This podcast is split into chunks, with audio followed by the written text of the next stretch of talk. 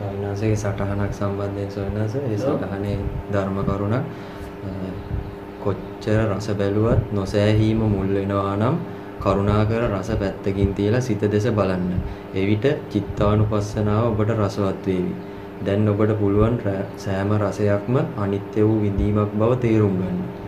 මේ පිළිබඳව පහදා දෙන්න මම ගෞරවණීය සිටිනවා. මේවනේ පුතේ ඒකෙන් කියන්නේ අපි සැවැල කොච්චර රස බැලුවත් ඒ රසෙන් සෑහීමකටපත් වෙන්නේ නැත්නම් තේරෙනවද? ඉතින් ඒක පුතේ මේ ආහාරයේ ප්‍රශ්නයක්වත් දිවේ ප්‍රශ්නයක්වත් නෙමෙයි තේරෙනවද? ඉතින් මේ අපි තුල තියෙනා වූ ඒ තෘෂ්ණාවේ ප්‍රශ්නයක් එතන තියෙන්නේ තේරෙනවද? ඉතින් ඒ නිසා මේ නිරතුරුවම මේ අපේ රසයේ අනිත්‍යභාවය දකින්න ඕනේ. තේරෙනවද? රසය පිළිබඳ සකස් වෙන්නා වූ මේ පස්සේනේ උතන තියෙන්නේ. පස්සේනේ අපි තෘෂ්ණාවෙන් තෙත් කරන්නේ. රසය කියන්නේ ඒකනේ නේද? පස්සේ තෘෂ්ණාවෙන් තෙත් කරනවා. තේන්න? ඉතින් පස්සේ තෘෂ්ණාවෙන් තෙත් කරද්දී අපි දක්ෂ නම් ඒ පස්සේ අනිත්‍ය වශයෙන් දකින්න තේන්න? රසය ගැන හිතෙනකොට දැන් මාත්‍යා ආහාරයක් වළඳලා ඒක රසය ගැන නිතර හිතනවා. තේන්න? ඉතින් හිතන්නේ ඒ සිතු සිතුනා කියන තැන අපි දැනුණා කියන තැන අපි නිත්‍ය වශයෙන් දැනුණා කියන කාරණේ අපි තෘෂ්ණාවෙන් තෙත් කරනවා. තේන්න? හිතට දැනෙනවා රසය පිළිබඳ දෙනකොට අපි ඒක තෘෂ්ණාවෙන් තෙත් කරලා විතර්ක ඇති කරගෙන ඒ රස තෘෂ්ණාව තව තවත් වැඩි කරගන්න. තේන්න? නමුත් ඉතින් දැනුණා කියන තැන නැවතුණු ප්‍රශ්නයක් වෙනවද? දැනෙන්නේ නැත්නම් නැවෙන්නේ නේද? ඉතින් ඒ නිසා නිරේතුරුවම දැනුණා කියන කාරණය අනිත්‍යයි කියලා දැක්කා කියන්නේ එතන වැඩුණේ මොකද්ද? චිත්තානුපස්සනාව තමයි. තේන්න? සිතුවිල්ලේ අනිත්‍යභාවය දකින්න. තේන්න? ඉතින් ඒ නිසා අපේ රසය පිළිබඳ අපේ හිත දුවනවා නම් රස තෘෂ්ණාව වැඩි වෙනවා නම් නිරේතුරුව මාත්‍රෝ ඉතින් ඒ සකස් වෙන්නා වූ පස්සය අපි චිත්තානුපස්සනාවට ලක් කරන්න වෙනවා. තේරෙනවද? එහෙම නැත්නම් රසය පිළිබඳ ඇති වෙන්නා වූ ඒ සැප වේදනාවන් අපි වේදනානුපස්සනාවෙන් දකින්න දෙනවා. තේරෙනවද? එහෙම නැත්නම් ඉතින් ඒ සකස් වෙන සෑම ධර්මතාවයක්ම අනිත්‍යභාවය දැකලා ධම්මානුපස්සනාව වඩන්න වෙනවා. තේරෙනවද? ඉතින් ඒ නිසා මේ ඒ කාරණේ තමයි මම හිතන්නේ එතනින් කියලා තියෙන්නේ. නේද? අපි තුල නිරතුරුවම රස තෘෂ්ණාව වැඩිනේ නේද? වර්තමානයේ කොහේ බැලුවත් ආහාර රටාව තුල, ඇඳුම් රටාව තුල, ආභරණ රටාව තුල මේ මේ මේ රූපලාවන්‍ය රටාව තුල මේ හැම තැනදීම ඔය තෘෂ්ණාව වැඩි. තේරෙනවද? කාමය කාමච්ඡන්දයන් කෙරේ තියෙන තෘෂ්ණාව ඇස පිනවන්න, කන නාසය දිව පිනවන්න, මනස පිනවන්න මේ කාමයේ කෙරේ තියෙන ආස්වාදේ වැඩි. රූපයේ කෙරේ තියෙන ආස්වාදේ වැඩි. තේන. ඉතින් ඒවා ඒවා ඒ ආකාරයෙන් වැඩි වෙන්නේ මේ මාත්‍යාර සකස් වෙන්නා වූ සිත. තේන පස්සේ අපි නිරතුරුවම තෘෂ්ණාවෙන් තෙත් කරගෙන මේ බලවත් වූ සංස්කාරයන් දැනීම් සකස් කරගන්න නිසා පංච උපාදානස්කන්ධය ශක්තිමත් කරගන්න නිසා.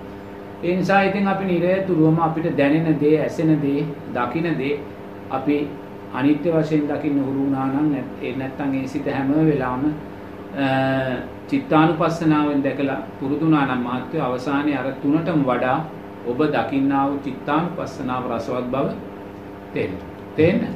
ඉතින් ඒ නිසා මේ කාමයන් කරා දැන් මරාගෙන මැරෙන බෝම්බකාරයෙක් කියන්නේ මොකද? එයත් කාමයන් කරායි දුවන්නේ. කාමයේ ආස්වාදය හොයන්නේ. තේරෙන්න? ඇස පිනවන්න තියෙන කැමැත්ත, කන පිනවන්න තියෙන කැමැත්ත, නාසය දිව ශරීරය මනස පිනවන්න තියෙන කැමැත්ත. තේරෙන්න? ඉතින් ඒ නිසා මේ ඔය එයාට ලක් එයාගේ බෝම්බ ප්‍රහාරයට ලක් වෙලා මරණ මිනිස්සෙක් කියන්නේ මොකද්ද? එතනක් තියෙන්නේ කාමයන්ගේ ආස්වාදය. තේන දැන් ඔය සුන්දර හෝටල් වල උදේ කෑම ගන්න ගියේ කෑම ආහාරේ නිස්සාරණ හොයන අයද? නැහැ. ආහාරේ නිස්සාරණයක් නෙමෙයි. ආහාරේ ආස්වාදය හොයන අය. තේන්න? ඉතින් ආස්වාදයක් හොයාගෙන ගියා නම් එතන ආදීනවයක් තියෙනවා. තේන්න?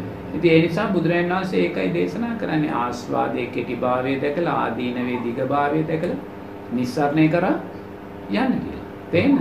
ඉතින් ඒ නිසා නිරේතුරුවම අපිට එවැනි කාමයේ ආස්වාදයන් සකස් වෙනවා නම් දිව පිනවන්න, ඇස පිනවන්න, නාසය පිනවන්න, මේ මන පිනවන්න, ශරීරය පිනවන්න මේ ආස්වාදයන් සකස් වෙනවා නම් මාත්‍ය අපි නිරේතුරුවම ඒ ආස්වාදයේ තියෙන කෙටිභාවය, ඒ ආදීනවයන්ගේ තියෙන දිගුභාවය දැකලා නිස්සාරණය කරා යන්න කියලායි කියන්නේ. ඒ නිසා ඒවා පිළිබඳ සකස් වෙන දැනීම් තියෙනවානේ. ඒ දැනීම් නිරතුරුවම අපි අනිත්‍ය වශයෙන් පස්සේ අනිත්‍ය වශයෙන් දකින්න කියලා තමයි එතනදී අපිට තියෙන්නේ නේද?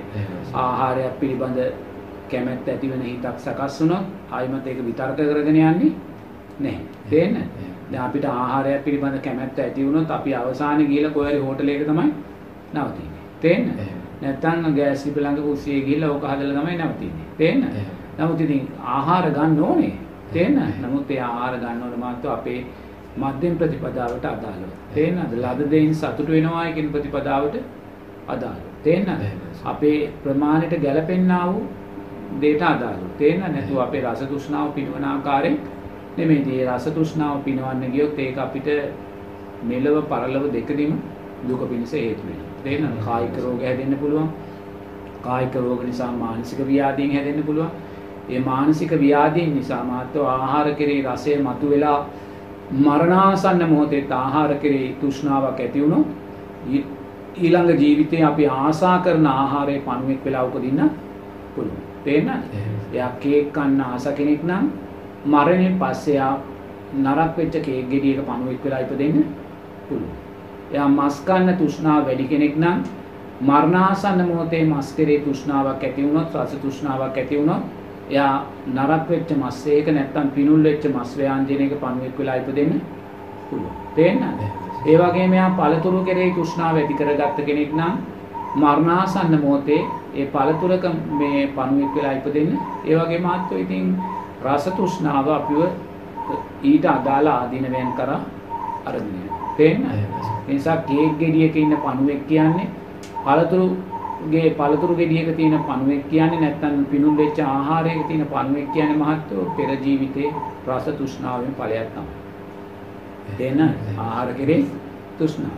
මිනිස්සයා නෙමෙයි තිරිසන් සතහයිමත් උනේ. බල්ලෙක් මරණාසන්න මොහොතේ ආහාර කෙරේ තෘෂ්ණාවෙන් මලොත් තේන්න. දැන් බල්ලෙක් කවුරු මස් කෑල්ලක් විසි කරනවා. මේ මස් කෑල්ලේ සුවඳට ඉව කරගෙන උපාදානය කරගෙන යා දුවන දුවනකොටම වාහනයකට ඇප්පිලා මැරෙනවා.